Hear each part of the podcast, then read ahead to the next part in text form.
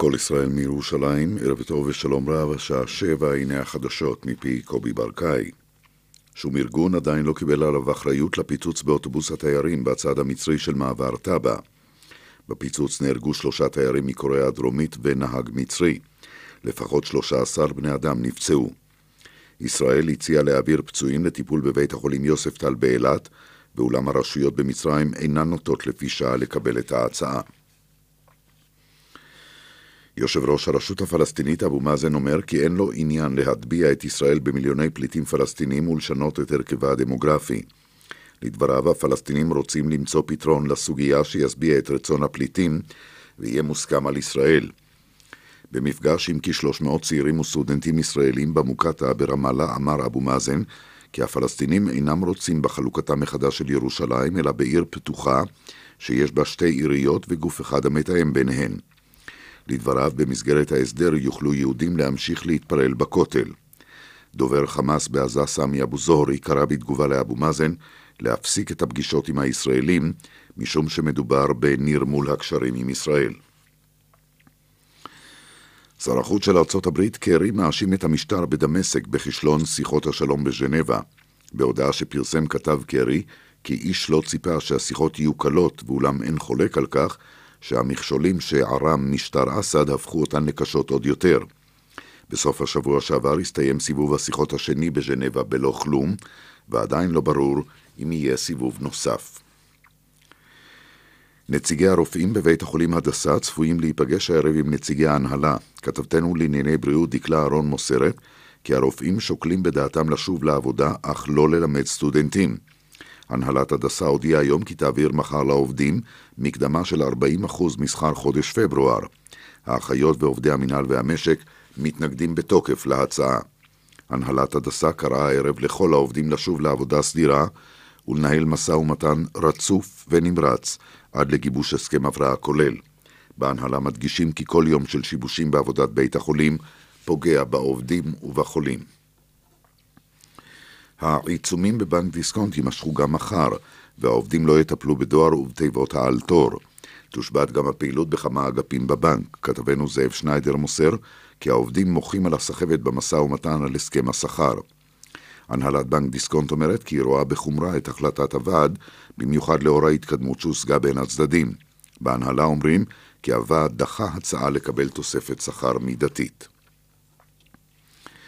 נשיא איטליה, נפוליטנו, זימן למחר את מנהיג המפלגה הדמוקרטית מתאו רנצי, ככל הנראה כדי להטיל עליו להרכיב ממשלה חדשה. רנצי, בן 39, ראש עיריית פירנצה, יחליף את ראש הממשלה לטה שהתפטר בסוף השבוע לאחר שאיבד את תמיכת מפלגתו לטובת הכוכב העולה.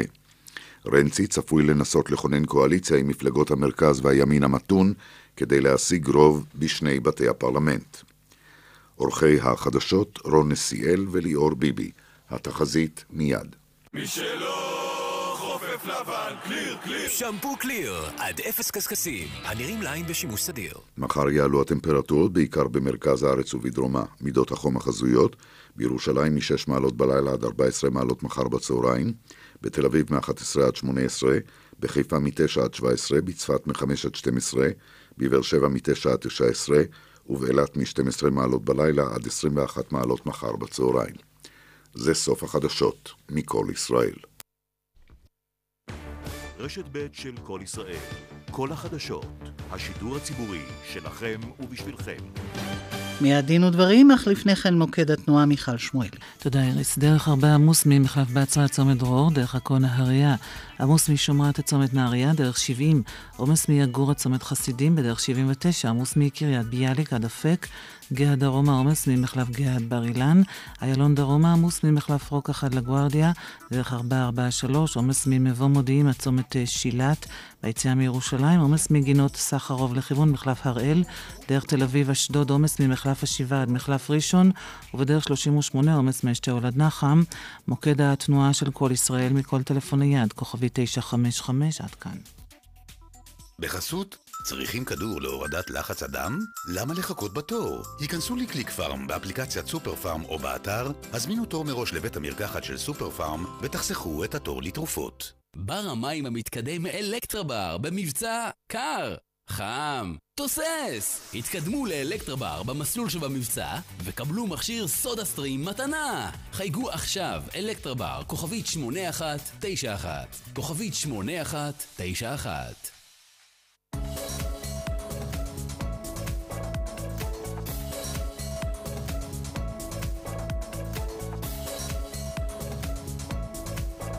בלי שום תמונה, בלי שום מילה. מיליון וחצי מאזינים יודעים בדיוק באיזה מותג מדובר. אז תכניסו את זה טוב טוב לאוזניים, גם בתחום המזון. הפרסום ברדיו עובד.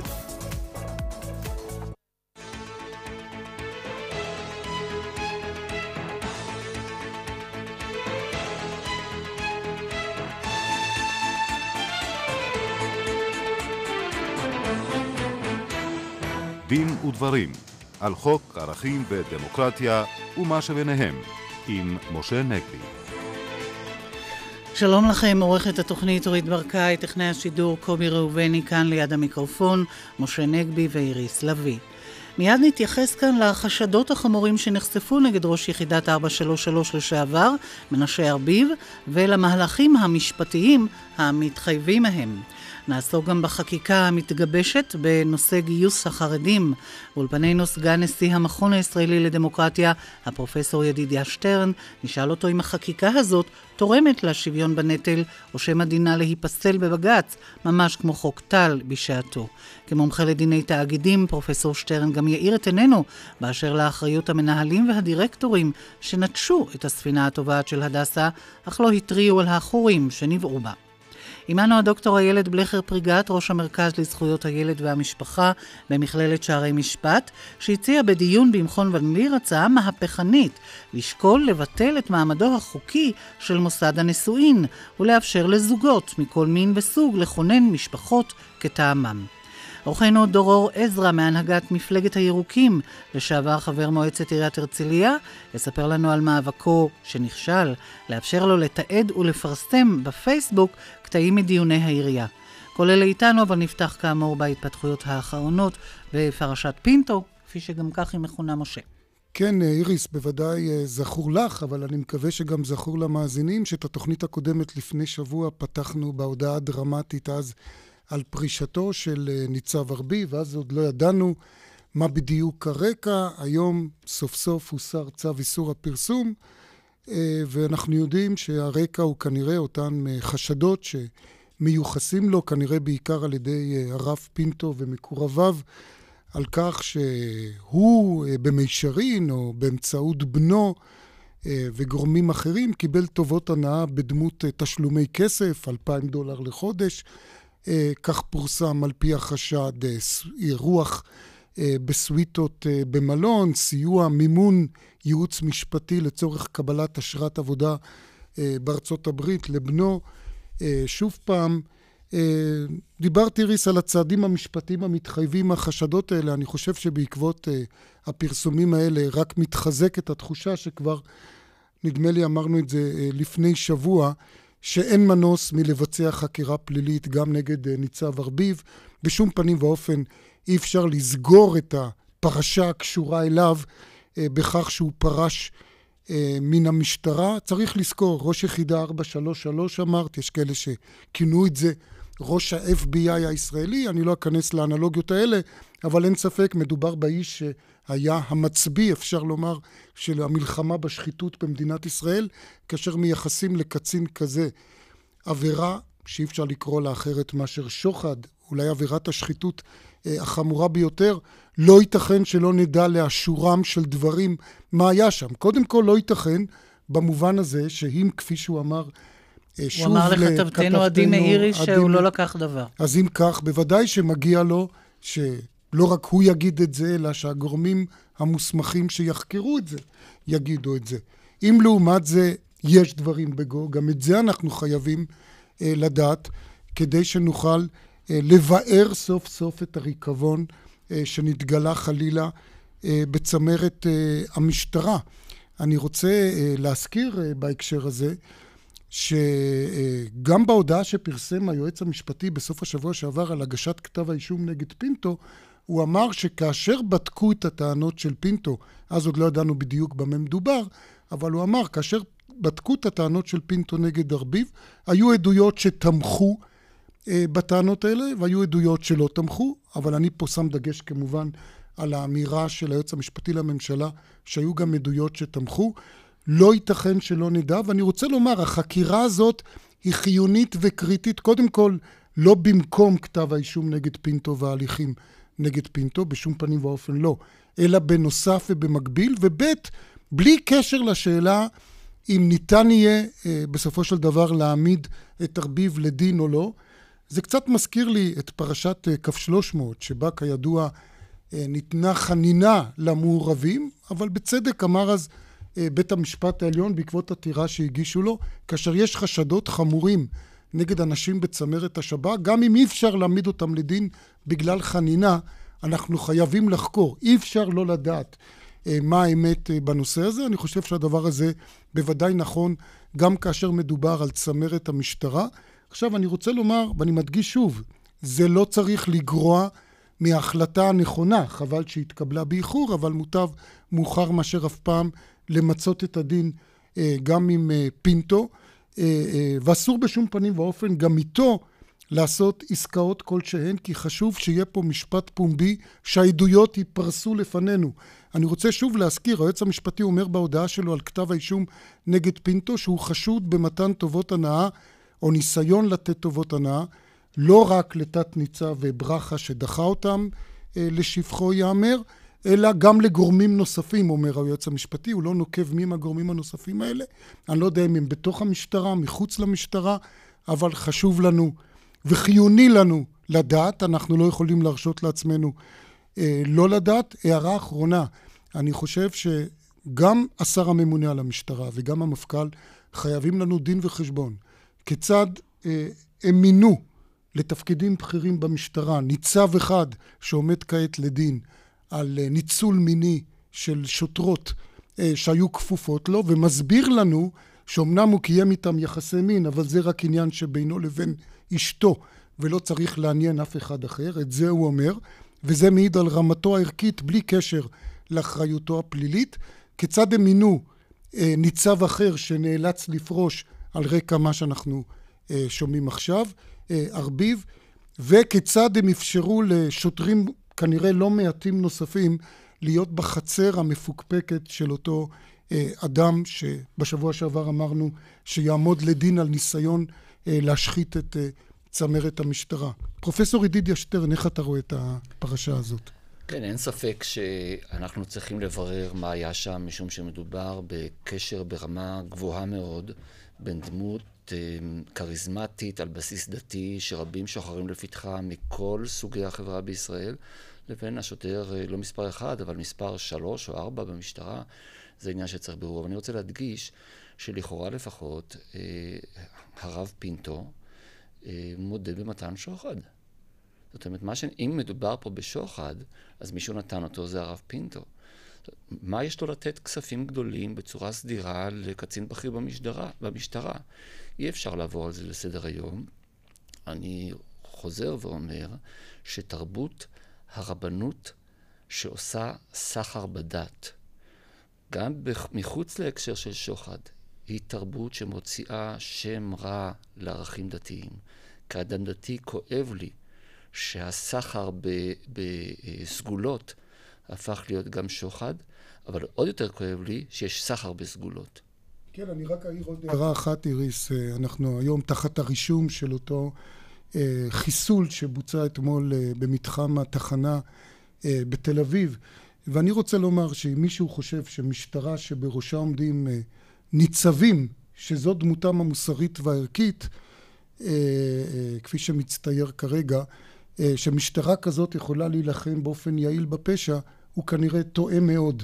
אני אזכיר את מה שאמר השופט ברק באותה פרשה של המפכ"ל פלד לפני עשרים שנה, גם אותה הזכרנו בשבוע שעבר, פרשת הג'קוזי, כפי שהיא נקראה בשעתו, שהוא אמר שמשטרה שלא מקפידה על טוהר השירות והשורות אה, לא יכולה אה, לנהל את עבודתה אה, כמו שצריך ובואי נקווה שבאמת לא יהיו פה ניסיונות לסגור או לטאטא את הריקבון אלא באמת לבאר אותו באור השמש. אנחנו עכשיו רוצים לדבר על החקיקה המתגבשת בכנסת בנושא השוויון בנטל, והאם היא תקדם את השוויון הזה? קודם כל, משה. כן, קצת נדמה לי, אה, איריס, שאו שחברי ועדת שקד, אותה ועדה ששוקדת על החוק הזה, או שהם לא הפנימו את מה שבג"ץ קבע כאשר הוא ביטל את חוק טל ויצר את הצורך בחקיקה החדשה הזו, או שהם עושים את עצמם שהם לא הפנימו מסיבות פוליטיות ופופוליסטיות. אולי כדאי להזכיר גם להם, אבל בעיקר לציבור, שבג"ץ ביטל את חוק טל אה, וביטל גם את כל ההסדרים של דחיית השירות אה, לחרדים שהיו לפני חוק טל, הוא ביטל אותם לא בגלל שהוא חשב שחייבים לגייס את החרדים, בוודאי לא את כל החרדים לצבא, או בגלל שהוא חשב שאם הם לא מתגייסים לצבא צריך לאיים עליהם בהכנסתם לכלא. אדרבה, אני חושב שבג"ץ אה, לא היה רוצה שיכפו על החרדים גיוס באמצעות איום בכלא. אם הוא היה רוצה את זה, אגב, הוא לא היה נותן ארכה של שנה, בינתיים זה כבר שנה וחצי לכנסת לחוקק חוק חדש. הרי הכנסתם לכלא הייתה אפשרית ביום שהתקבלה פסק הדין של בג"ץ שביטל את חוק טל. התוצאה לכאורה הייתה צריכה להיות שכמו כל אחד הם צריכים להתגייס או ללכת לכלא. בג"ץ רצה שהכנסת תגבש חוק שמצד אחד כן יתחשב בתרבות המיוחדת של החרדים, באמונות שלהם, אם באמת מדובר באמונה בתום לב כמובן, ולא בהתחזות ובהשתמטות שמתחפשת לאמונה אה, אה, דתית. הוא רצה שמצד אחד יתחשבו, אבל מצד שני, מה שגרם לו לבטל זה אפליה, זה חוסר השוויון. לבג"ץ למשל לא הייתה שום בעיה עם זה, שיבואו ויגידו לחרדים, תראו, אם יש לכם בעיה מצפונית אמיתית, עוד פעם, תשכנעו שיש לכם בעיה מצפונית אמיתית לשרת במקום ללמוד בתורה, נמצא לכם שירות אזרחי שיעלה בקנה אחד עם אמונתכם. אבל זה בתנאי שתיתנו את האופציה הזאת גם לאנשים אחרים שיש להם בעיה מצפונית לשרת בצבא וכולי. עכשיו, במקום לחפש את החוק השוויוני הזה, שלמשל יאפשר לכל אחד את האלטרנטיבה של שירות אזרחי, או לפחות לכל אחד שיש לו בעיה מצפונית, אה, כזאת או אחרת, דתית, אידיאולוגית, משמאל, מימין, אזרחים ערבים למשל, שבוודאי יש להם בעיה אה, אידיאולוגית או ערכית אה, לשרת בצבא, אבל בהחלט היה אפשר להטיל עליהם חובת שירות אזרחי. במקום לעשות את זה, כנראה מטעמים פופוליסטיים פוליטיים, מתווכחים כל הזמן איזה סנקציות יטילו על החרדים, פליליים או כלכליים. וככה נוצר מצב שמצד אחד, הרי כולנו יודעים שהחרדים, גם לפי ההצעה שמתגבשת, לא יתגייסו, גם לפי החוק עצמו, בוודאי לא בשלוש או ארבע השנים הקרובות, וגם, לא רק שלא לא יהיה שוויון, תהיה אפליה יותר חמורה מאשר זו שיצר אה, אה, חוק טל, כי גם בעוד שלוש שנים כשהם יתגייסו, הם יתגייסו רק בגיל 24, ותהיה להם אופציה של שירות לאומי או אזרחי, שאין ל, ל, לצעיר חילוני וכולי וכולי. פרופסור ידידיה שטרן, איך אתה רואה את ה... את הסיטואציה הזאת? הבג"ץ התערב בחוק טל באמת מתוך רצון לקדם את השוויון, לא להשיג את השוויון, אלא לקדם את השוויון. אה, כולם מבינים ששינוי חברתי אה, לא יכול לעשות רק בגלל שהחלטנו שצריך לעשות אותו. זה לא עובד ככה. אנחנו לא רוצים להגיע למלחמת אחים, אנחנו רוצים לקדם את השינוי הזה בדרך שתדחוף את החרדים להתגייס בלי לשבור את הקשר איתם. יש דרכים לעשות זאת. יש הצעות על השולחן שלדעתי יכולות להוביל לכך שאומנם שוויון לא יקרה, לא יתרחש, אבל שני שלישים ואף שלושה רבעים מהגברים החרדים יצטרפו לצבא ולא לשירות אזרחי, לשירות משמעותי, אמנם בגיל מבוגר יותר, מסיבות שאפשר לפרט מה הן. שוויון זה לא, אבל שינוי דרמטי לטובה זה כן. ואני חושב שלכך צריך לשאוף. זה לצ... יצמצם את חוסר השוויון. נכון, נכון. לצערי, מה שמתגבש כרגע בעקבות ועדת פרי, שהמלצותיה עוברו כבר בקריאה ראשונה, ועכשיו בוועדת שקד, שמכינה את אותן הצעות לקראת קריאה שנייה ושלישית, מה שמתגלה לעינינו זו באמת הצעה לא סבירה מנקודת ראות חברתית ומנקודת ראות משפטית. היא אולי סבירה פוליטית, אבל זה לא מספק כמובן. היא אולי משרתת את האינטרסים כן, הפוליטיים. אתה אומר את זה יותר ברור ממני, כן. כן. מה, מה, מה מדובר? באופן כללי מחלקים את העתיד לשתי תקופות, תקופת הסתגלות ותקופת קבע. תקופת הסתגלות היא שלוש וחצי שנים עד אמצע 2017. בתקופה הזאת, דה פקטו, אני לא יורד לפרטים, אבל דה פקטו, כל מי שבגיל 18 בעת החוק ומעלה, והוא חרדי, לא ישרת.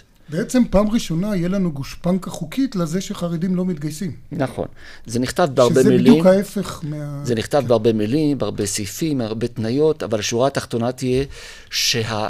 הכיוון החיובי שראינו בחמש השנים האחרונות של הגדלה, עדיין באחוזים, לא במספרים מוחלטים, אבל הגדלה משמעותית באחוזים של גיוס חרדים לצבא, הדבר הזה ייפסק וייסוג אחור באופן אבסורדי. התוצאה של ביטול חוק טל תהיה החרפת הפער, הקטנת ההשתתפות בנטל של החרדים.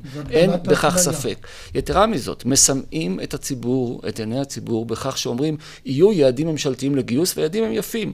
ב-2014, ב-2015, חוץ מזה שמי שקורא כמוני את החוק, רואה שאין שום הסדרים שתומכים בהשגת היעדים.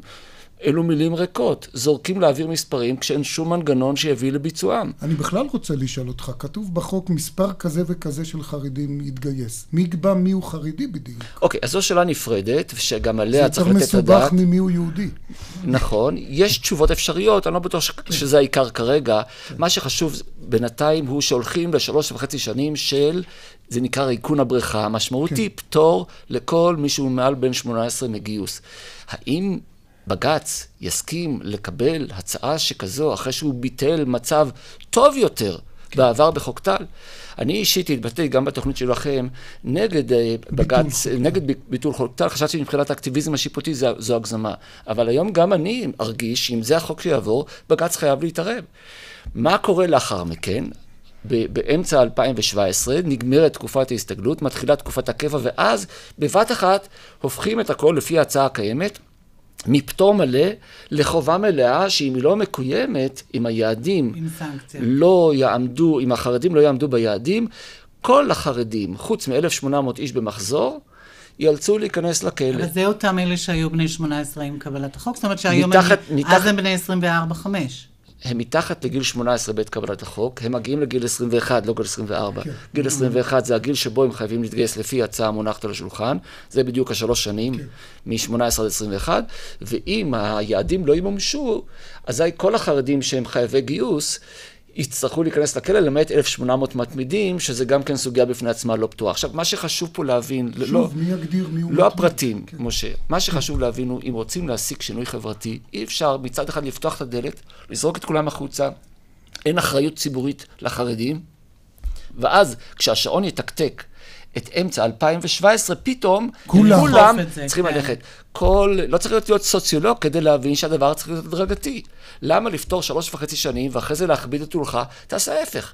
תגייס בשנה הקרובה אחוזים ניכרים באמצעות הטבות, גזרים ומקלות, סנקציות כלכליות ותמריצים כלכליים, והדבר בר ביצוע, אין לי ספק. ומשנה לשנה נגדיל את הנסיעה בנטל, וכך נגיע ל-2017, 2018 ו-2019, בלי צורך באיומים שאי אפשר לממש אותם. חשוב לומר, מבחינה מעשית, הריבון לא יכול לקבוע בחוק הסדרים שהוא יודע שהוא לא יכול לממש אותם. על זה הלכנו לבחירות. נכון. אז אם על מה שהלכנו לבחירות, וייצא חוק מהסוג הרע הזה, שב-2017 לא ימומש, המשמעות היא שחברות ישראליות שמתנגדות לשלטון החוק, ואני כולל כאן לא רק את החרדים, גם אנשי ימין שהם מתנחלים שהחוק מפריע להם בדברים מסוימים, ערביי ישראל בדברים אחרים וכדומה, ילמדו את השיעור שהחוק במדינת ישראל הוא הצעה טובה והוא לא מחייב. אסור שהדבר הזה יקרה, וגם זו סיבה טובה לדעתי לבג"ץ להתערב בגלל אי סבירות החקיקה. כן, אוקיי, אני מבין, אפשר לסכם, אני ארשה לעצמי לסכם את מה שאמרת, פרופסור שטרן. החוק המתגבש הוא גם לא צודק, גם לא חכם וגם לא יעמוד לא uh, במבחן uh, בג"ץ. אני רוצה לעבור לנושא אחר, נזכיר למאזינים, אתה בעצם פרופסור לדיני uh, תאגידים. דיברנו איתך לא פעם, גם אפרופו ספר שכתבת על uh, האחריות המיוחדת החברתית של תאגידים. בוודאי שכשמדובר בתאגיד שהוא בית חולים כמו הדסה, או שני בתי חולים כמו הדסה בירושלים, אז האחריות החברתית שלו ברורה. ואני רוצה לשאול אותך לגבי האחריות של אותם דירקטורים ואותו מנכ"ל, שאומנם לפחות הדירקטורים אומרים שהם התפטרו כשהם ראו מה קורה, אבל האם זה מספיק שהם התפטרו? האם מבחינה משפטית ומוסרית הם לא היו צריכים גם להתריע, לזעוק? כן, אני כמובן לא יכול להתייחס לעובדות של הדסה, כי אינני יודע, אני קורא עיתונים, הדברים צריכים בירור, אז מה שאני בירור במובן העקרוני. יש כידוע לכל אה, דירקטורים בכל חברה וגם בחברה לתועלת הציבור כמו בית חולים, יש חובה, גם חובת אמונים של נושאי משרה וגם חובת זהירות. חובת האמונים משמעה שהם צריכים לפעול לטובת החברה ולא לטובה אחרת כמו טובתם האישית. למיטב ידיעתי טענות כאלה עדיין לא הושמעו בהקשר הדינדון ולכן נראה לי שזה פחות רלוונטי. מה שכן חשוב ורלוונטי זה מהי אה, דרגת ההתנהגות העסקית שאתה צריך להפגין כשאתה נושא משרה, בין אם אתה נושא משרה כמנכ"ל, בין אם כדירקטור, בכל תפקיד אחר. מותר לאנשים לטעות בתפקידם, אחרת הם לא ייקחו סיכונים. אנחנו רוצים שהם ייקחו סיכונים, ולכן מותר להם לטעות, וזהו הכלל המפורסם, שיקול הדעת העסקי.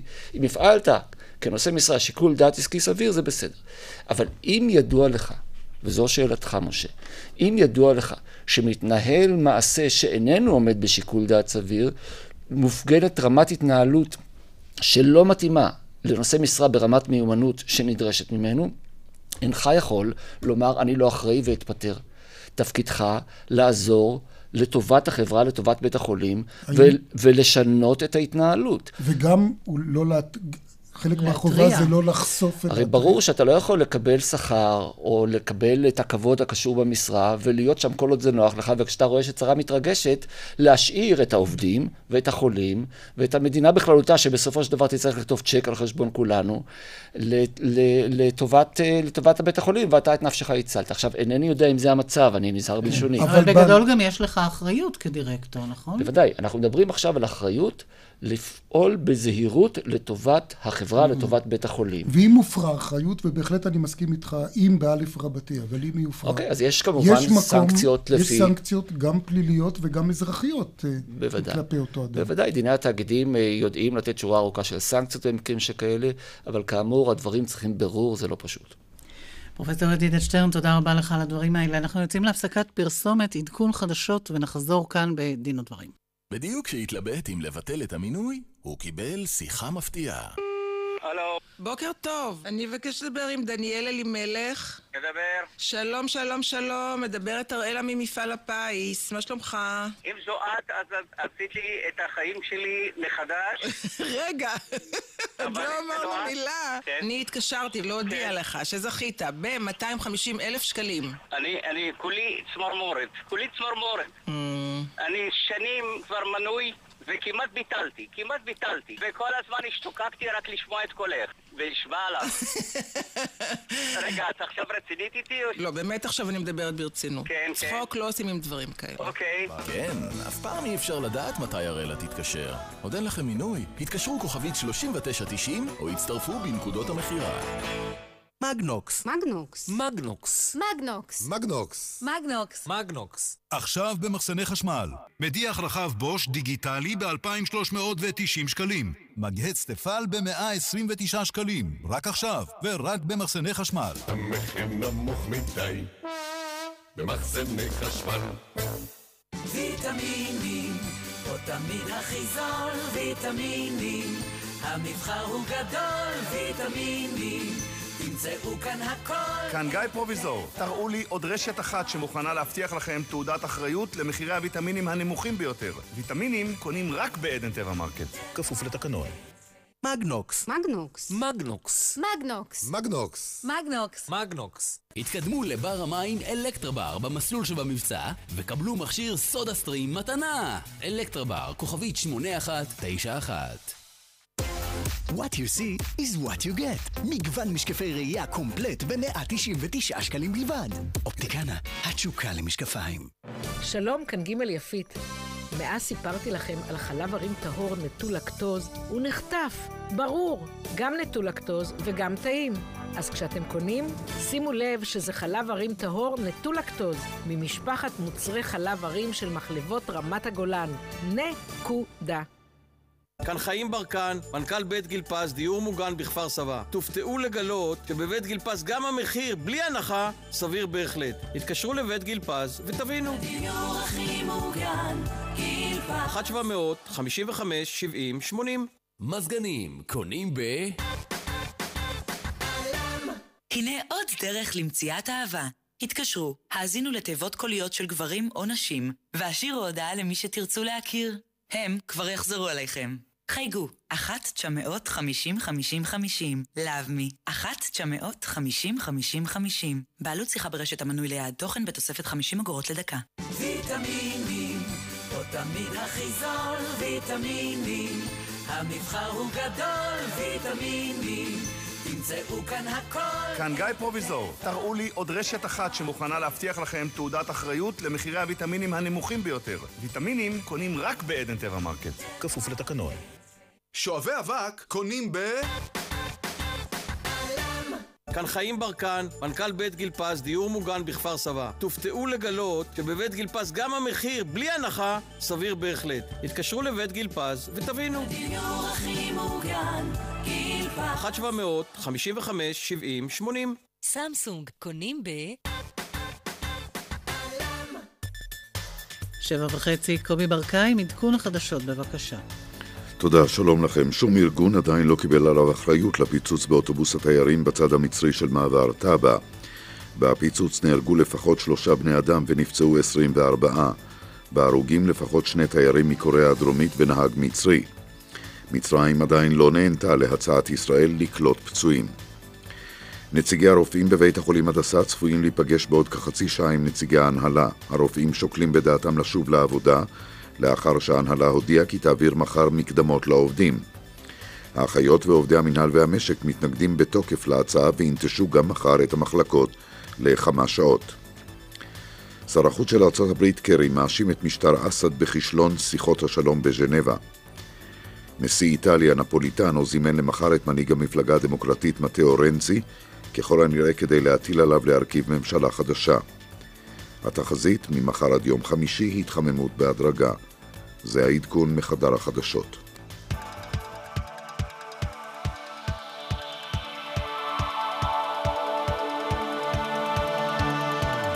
והתחזית להערב, רוח דרומית תנשב מהשעה תשע עם הסיפורים, הקולות והחדשות מהדרום ועל הדרום. רוח דרומית עם ניסים קינן באולפן בבאר שבע וברשת ב'. אהלן, כאן מני פאר. כשהייתי צעיר היו אומרים לי אקשן ואני הייתי באקסטזה. היום אה, אקשן לא מדבר אליי. מגיל 50 כל נפילה קטנה יכולה להפוך לצרה גדולה. הצטרף עכשיו לביטוח תאונות אישיות 50 פלוס של AIG ותקבל פיצוי מהיר לכל מטרה. והעלות? משקל אחד ליום, ובלי צורך במילוי שאלון רפואי. כפוף לתנאי החברה והפוליסה. איכות, עיצוב ועמידות. דלתות פנדור. חברת הדלתות מספר אחת בישראל. הודעה חשובה ליוצאים לחו"ל. מכונת נספרסו כולל מקציב חלב רק ב-200 דולר. לא טסים בלי שנכנסים. עלם דיוטי פרי. פנדור. בזמן האחרון שואלים אותי הרבה על דיור מוגן. אני חייב לספר לכם על מקום מיוחד שלא דומה לשום דבר שאתם מכירים. בית בכפר, חוף כנרת. דיור מוגן, אבל אחרת. לחיות בדירת גן גדולה ומפנקת, ועכשיו בהצעה משתלמת. דירת שלושה חדרים, מ-550 אלף שקלים, פיקדון, ואתם חיים על שפת הכנרת. 1-800-30-70-70. בית בכפר, רשת הדיור המוגן המובילה בישראל. לא כולל דמי החזקה. פנדור. מקררים קונים ב... שלום, כאן ג' יפית. מאז סיפרתי לכם על חלב ערים טהור נטול לקטוז, הוא נחטף. ברור, גם נטול לקטוז וגם טעים.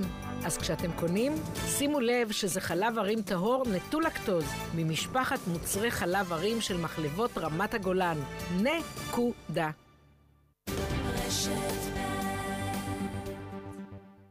אנחנו כאן uh, בדין ודברים.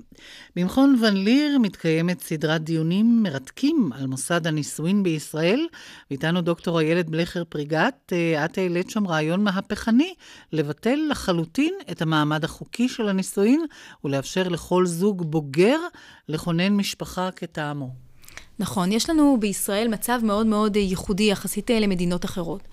מצד אחד מדינת ישראל היא מדינה שמגדירה את עצמה גם כמדינה יהודית, אבל גם כמדינה דמוקרטית, ויש לנו מצוקת נישואים. לא כל אחד יכול להינשא בישראל.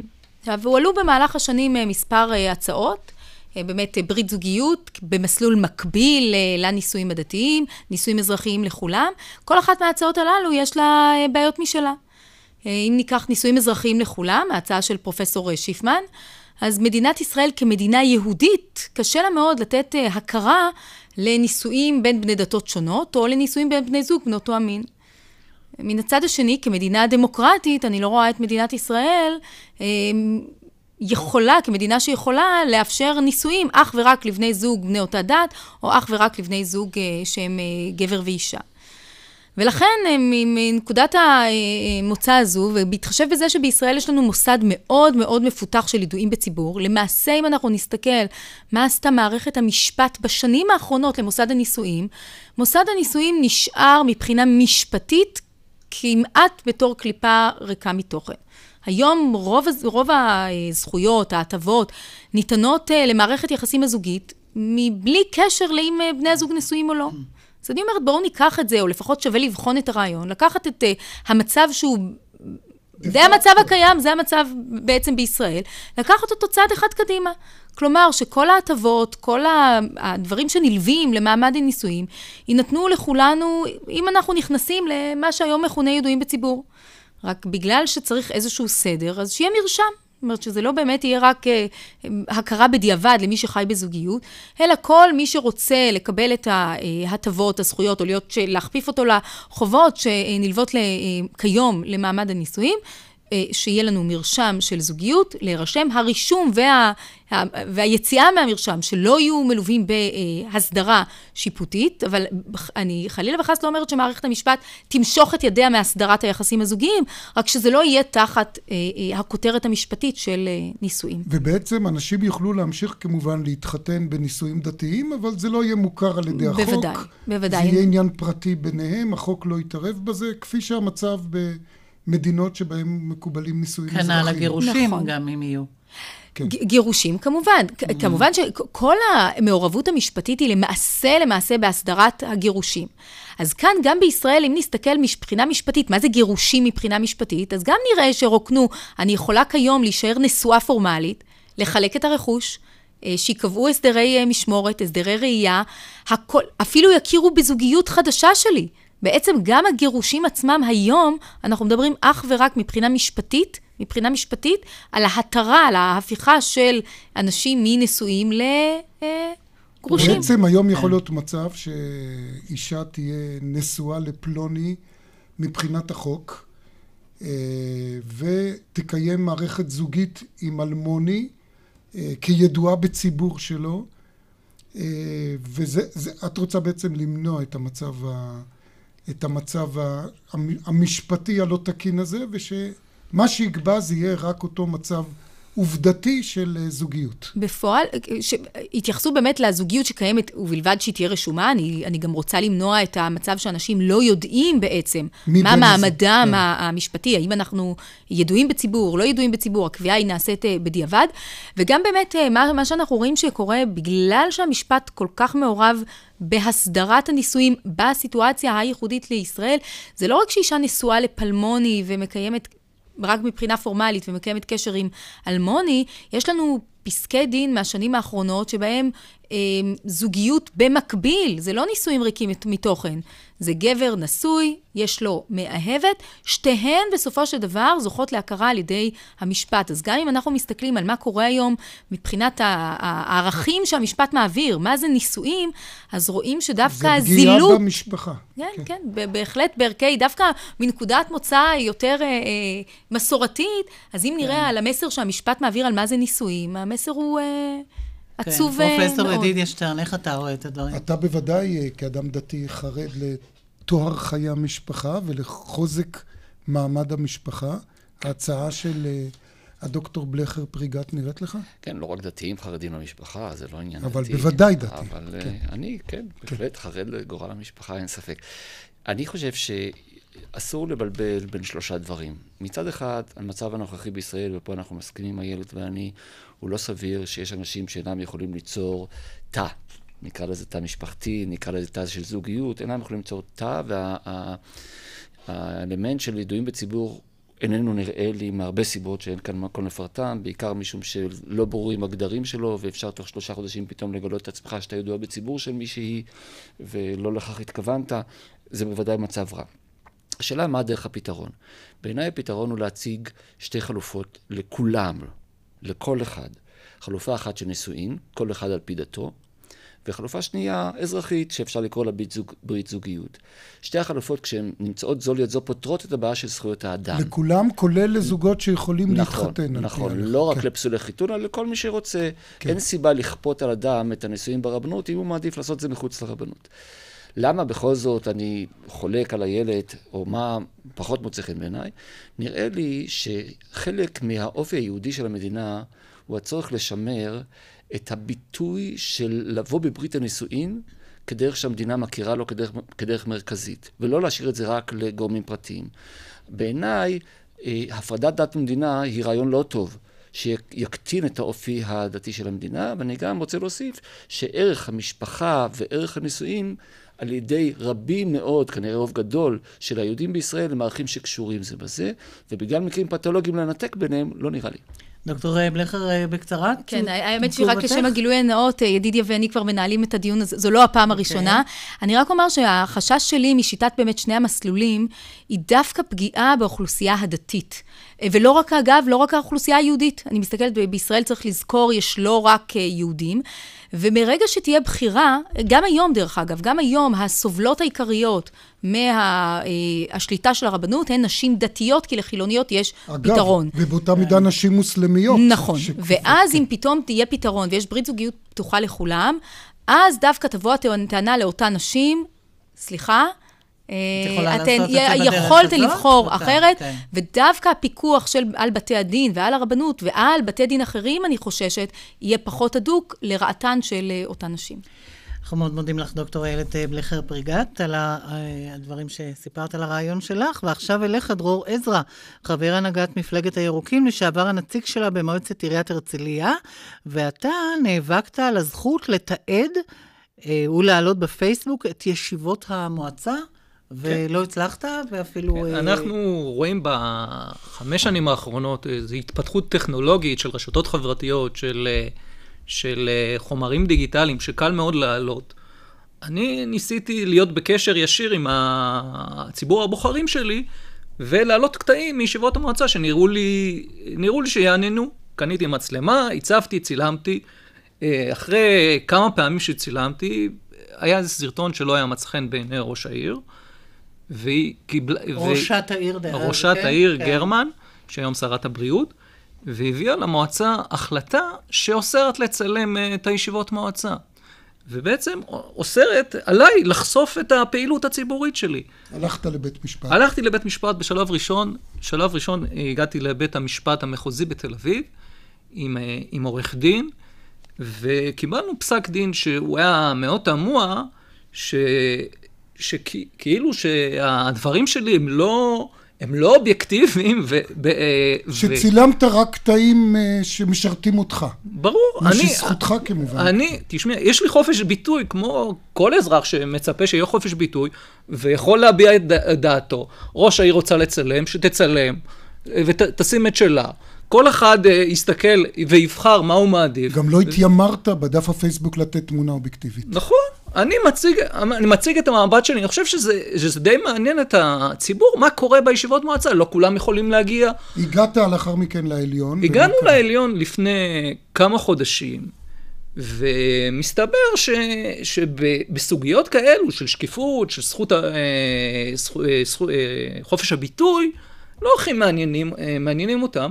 ופסלו את, ה, את הערעור שלי על איזה פגם טכני, שבאותה ישיבת מועצה שאסרו את זה, אני המשכתי לצלם את הישיבת מועצה, וזה... עשית וזה, דין לעצמך. עשיתי דין לעצמי, זה כל כך, כל כך חמור, שלעולם, אה, מהיום ועד לעולם, אני לא יכול לצלם ישיבות מועצה, כי הערעור שלי נדחה.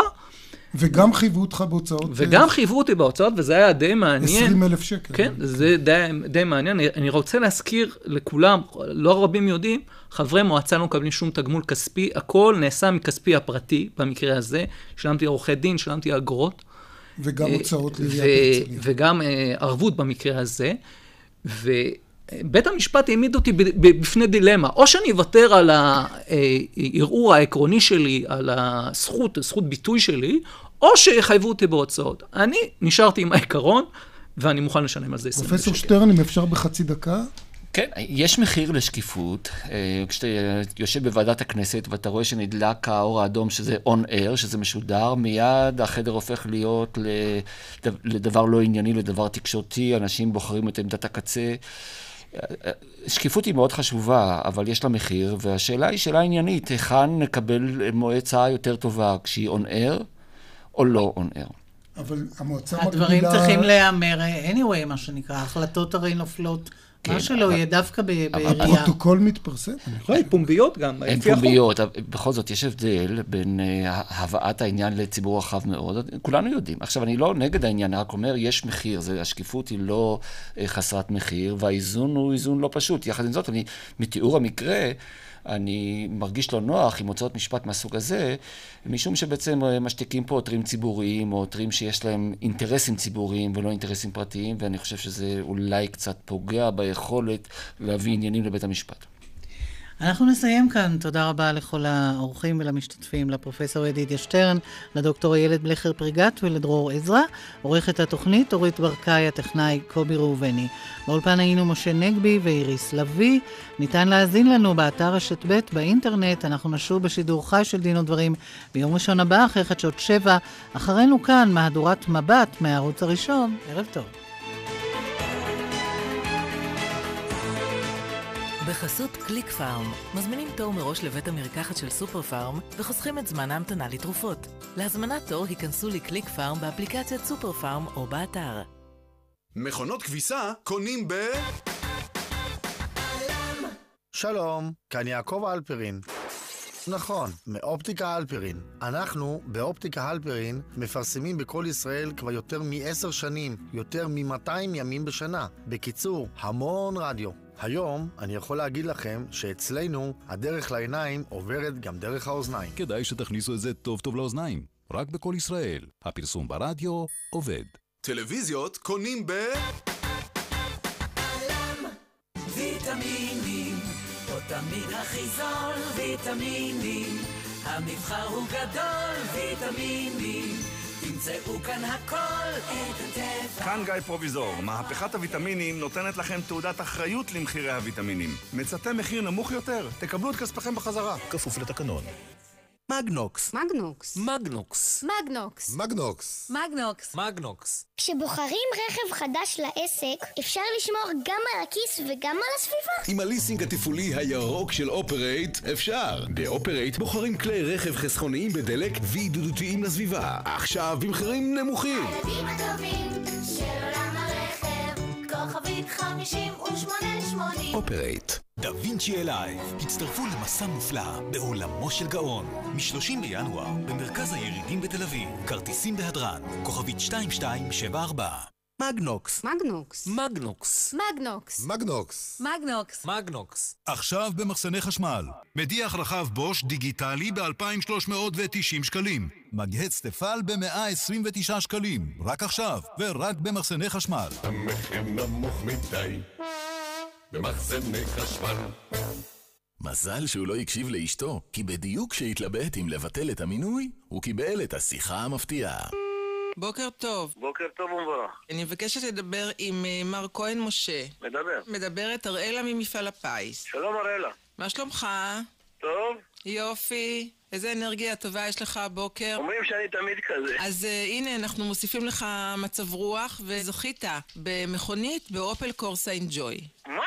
כן. לא יכול להיות, אני לא מאמין. את יודעת משהו? אשתי הבוקר אמרה, אולי תתקשר למפעל הפיס, תבטל את המנוי. את לא מבינה מה זה.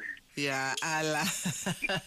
כן, אף פעם אי אפשר לדעת מתי הראלה תתקשר. עוד אין לכם מינוי? התקשרו כוכבית 3990 או הצטרפו בנקודות המכירה. מגנוקס. מגנוקס. מגנוקס. מגנוקס. מגנוקס. מגנוקס. מגנוקס. מהפכת מתנות בשקם אלקטריק. סמארטפון של סמסונג במתנה לקונים טלוויזיה שבמבצע. שמעתם נכון סמארטפון של סמסונג במתנה. שקם אלקטריק בטוח ש... כפוף לתקנון. Da Vinci Alive, הצטרפו למסע מופלא בעולמו של גאון. מ-30 בינואר, במרכז הירידים בתל אביב, כרטיסים בהדרן, כוכבית 2274. What you see is what you get. מגוון משקפי ראייה קומפלט ב-199 שקלים בלבד. אופטיקנה, התשוקה למשקפיים. מצטרפים עכשיו ל-yes ב-199 שקלים לחודש למשך 18 חודשים ויכולים ליהנות מכל ערוצי הסרטים והסדרות באיכות HD. כוכבית 2080. yes, כפוף לתנאי המבצע. בזמן האחרון שואלים אותי הרבה על דיור מוגן. אני חייב לספר לכם על מקום מיוחד שלא דומה לשום דבר שאתם מכירים. בית בכפר, חוף כנרת. דיור מוגן, אבל אחרת. לחיות בדירת גן גדולה ומפנקת, ועכשיו בהצעה משתלמת. דירת שלושה חדרים מ-550 אלף שקלים, פיקדון, ואתם חיים על שפת הכנרת. 1-800-30-70-70. בית בכפר, רשת הדיור המוגן המובילה בישראל. לא כולל דמי החזקה. מגנוקס. מגנוקס. מגנוקס. מגנוקס. מגנוקס. מגנוקס. מגנוקס. עכשיו במחסני חשמל, לד לחדרי שינה ב-790 שקלים. מכונת כביסה סמסונג ב-1790 שקלים. מיקסר מקצועי ב-399 שקלים. רק עכשיו, ורק במחסני חשמל. המחיר נמוך מדי במחסני חשמל What you see is what you get. מגוון משקפי ראייה קומפלט ב-199 שקלים בלבד. אופטיקנה, התשוקה למשקפיים. 102, 102 למכבי האש. עם קצת זהירות לא תצטרכו לחייג את המספר הזה. בחורף חשוב לזכור להרחיק בגדים, בדים וחומרים מתלקחים מתנורי חימום וממפזרי חום. כשאתם מחממים את הבית בגז, זכרו להשאיר חלון פתוח או פתח לאוורור. כי הדרך הטובה ביותר לטפל בשרפה היא למנוע אותה. הרשות הלאומית לכבאות והצלה והמשרד לביטחון הפנים. 102, לוחמי האש, תמיד בשבילך.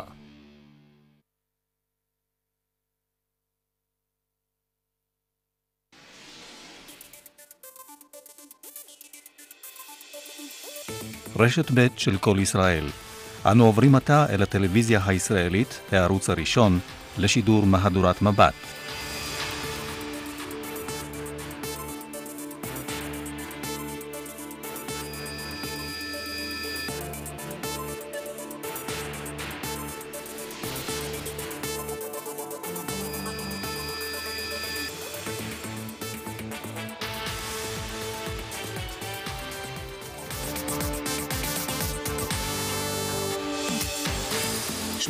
שמונה זו תמונת היום. אחרי המחאה וההבטחות, האחים והאחיות עשו היום את הבלתי אפשרי מבחינתם ונטשו לשלוש שעות את מחלקות האשפוז בהדסה, חדרי ניתוח סגורים, מחלקות טיפול נמרץ ריקות וחולים זרוקים במיטותיהם. הכל כדי להבהיר שהם אינם יכולים להמשיך לעבוד חינם, אבל לא מדובר כאן רק במאבק עובדים במפעל שנקלע למשבר, מוטלים כאן על הכף חיי אדם, חייהם של החולים ושל המטפלים המסורים בהם. תופת על הגבול, לפחות ארבעה הרוגים ו-12 פצועים בפיגוע באוטובוס תיירים בצידו המצרי של מעבר טאבה. האחיות והאחים בהדסה מחריפים את המאבק, נטשו את המחלקות והותירו את החולים מאחור. כשאנחנו ננטוש את בית חולים, הגענו למצב שאין לנו ברירה, פשוט אין ברירה. הותר לפרסום הוויזה, הדירה והסוויטה, טובות ההנאה שהעניק לכאורה הרב פינטו לניצב ארביב. תעלומה בבנק ישראל, מדוע חברות ישראליות מוציאות מאות מיליוני שקלים מהארץ לבנקים בחו"ל. אחרי ההתנגשויות בעבריינים לאור היום, המשטרה פותחת במעצרי מנע ומעלה את הכוננות. אנחנו נותנים את מלוא הגיבוי למשטרת ישראל לפעול באמצעים קיימים ובאמצעים חדשים. פרשת המורה לאזרחות, התלמידה ספיר סבח התפרצה לישיבת מורים והתלוננה שהמנהל היכה אותה. הוא תפס אותי בחוזקה בשתי הידיים, הוא ניער אותי והוא השליך אותי ככה אחורה. היום שאחרי מחר, התחזית הקשה של מדענים מארצות הברית, מזג האוויר ימשיך להשתגע.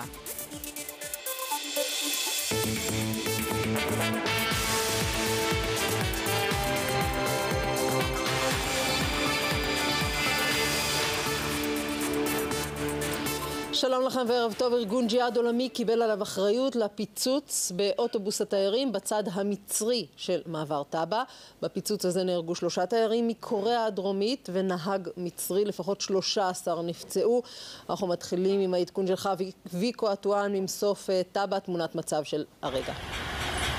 כן, אה, מירב אמיר, את כל הפיצוץ שמעו היטב, גם כאן, במסוף טאבה, בשעה שתיים וחמישה בדיוק. הפיגוע אירע בצד המצרי, במרחק של 250 מטרים בלבד ממסוף טאבה, ולכן הופעל כאן מיד נוהל חירום. 15 אמבולנסים וניידות טיפול נמרץ של אה, מד"א הגיעו לכאן למקום ונערכו לקבלת אה, פצועים מהצד המצרי, אבל בסופו של דבר המצרים סירבו להעביר לכאן 15 נפגעים, תיירים מדרום קוריאה, לקבלת טיפול כאן בישראל, ואנשי מד"א אחרי המתנה ארוכה של שעות ארוכות עזבו את המקום. מיד עם תחילת האירוע, כאן במסוף טאבה הוא נסגר בעצם אה, ליציאה של ישראלים ותיירים לצד המצרי, אבל נשאר פתוח לישראלים שהיו מעוניינים לחזור ממצרים.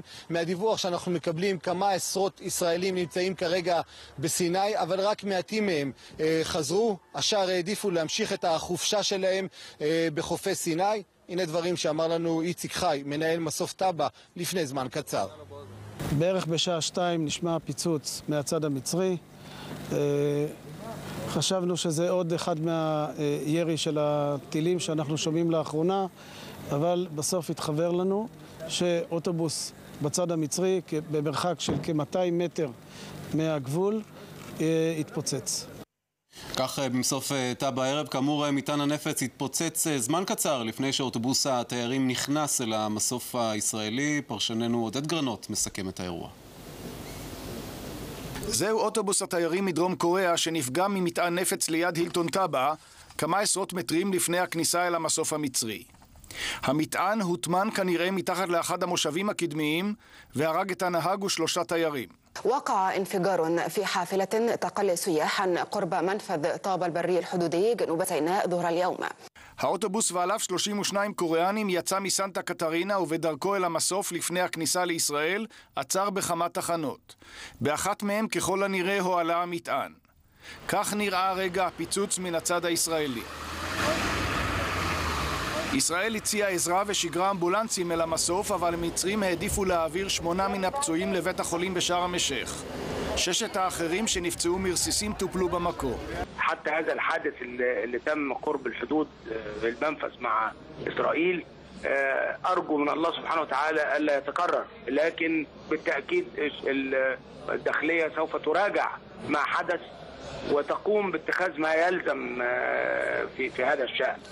ארגון אנסר בתל מקדס שמקורב לאל-קאעידה ומוביל את מרבית פיגועי הטרור בסיני בשנה האחרונה, לרבות הירי לאילת, נטל אחריות גם לפיגוע הזה. כוננות עליונה הוכרזה הערב בארמיה השלישית, שאנשיה מנהלים את המערכה העיקרית נגד לוחמי הג'יהאד בסיני, בניסיון ללכוד את המבצעים. עודד, מה עוד אנחנו יודעים על הארגון הזה, ולמה עכשיו? כן, אפשר לומר שזה הארגון הפעיל ביותר, המסוכן ביותר מבין ארגוני הג'יהאד העולמי בסיני. יש לו קשרים לג'יהאד העולמי בעזה, גם מומחי חבלה נמצאים שם, וגם גישה למאגרי נשק מלוב. בשנתיים האחרונות הוא הוביל את מרבית הפיגועים נגד הצבא המצרי, שוטרים מצרים, וגם ירי רקטות על אילת. מה המטרה? המטרה כפולה. קודם כל לנקום בצבא המצרי על הפעילות שהוא מבצע נגדו. הפעילות היא לא בדרך של סיכול ממוקד, אלא בעיקר בהפצצה מן האוויר, סגירת המנהרות, ולאחרונה הצבא המצרי מקים אזור חיץ כדי לחסום לחלוטין את הגישה מעזה ואליה.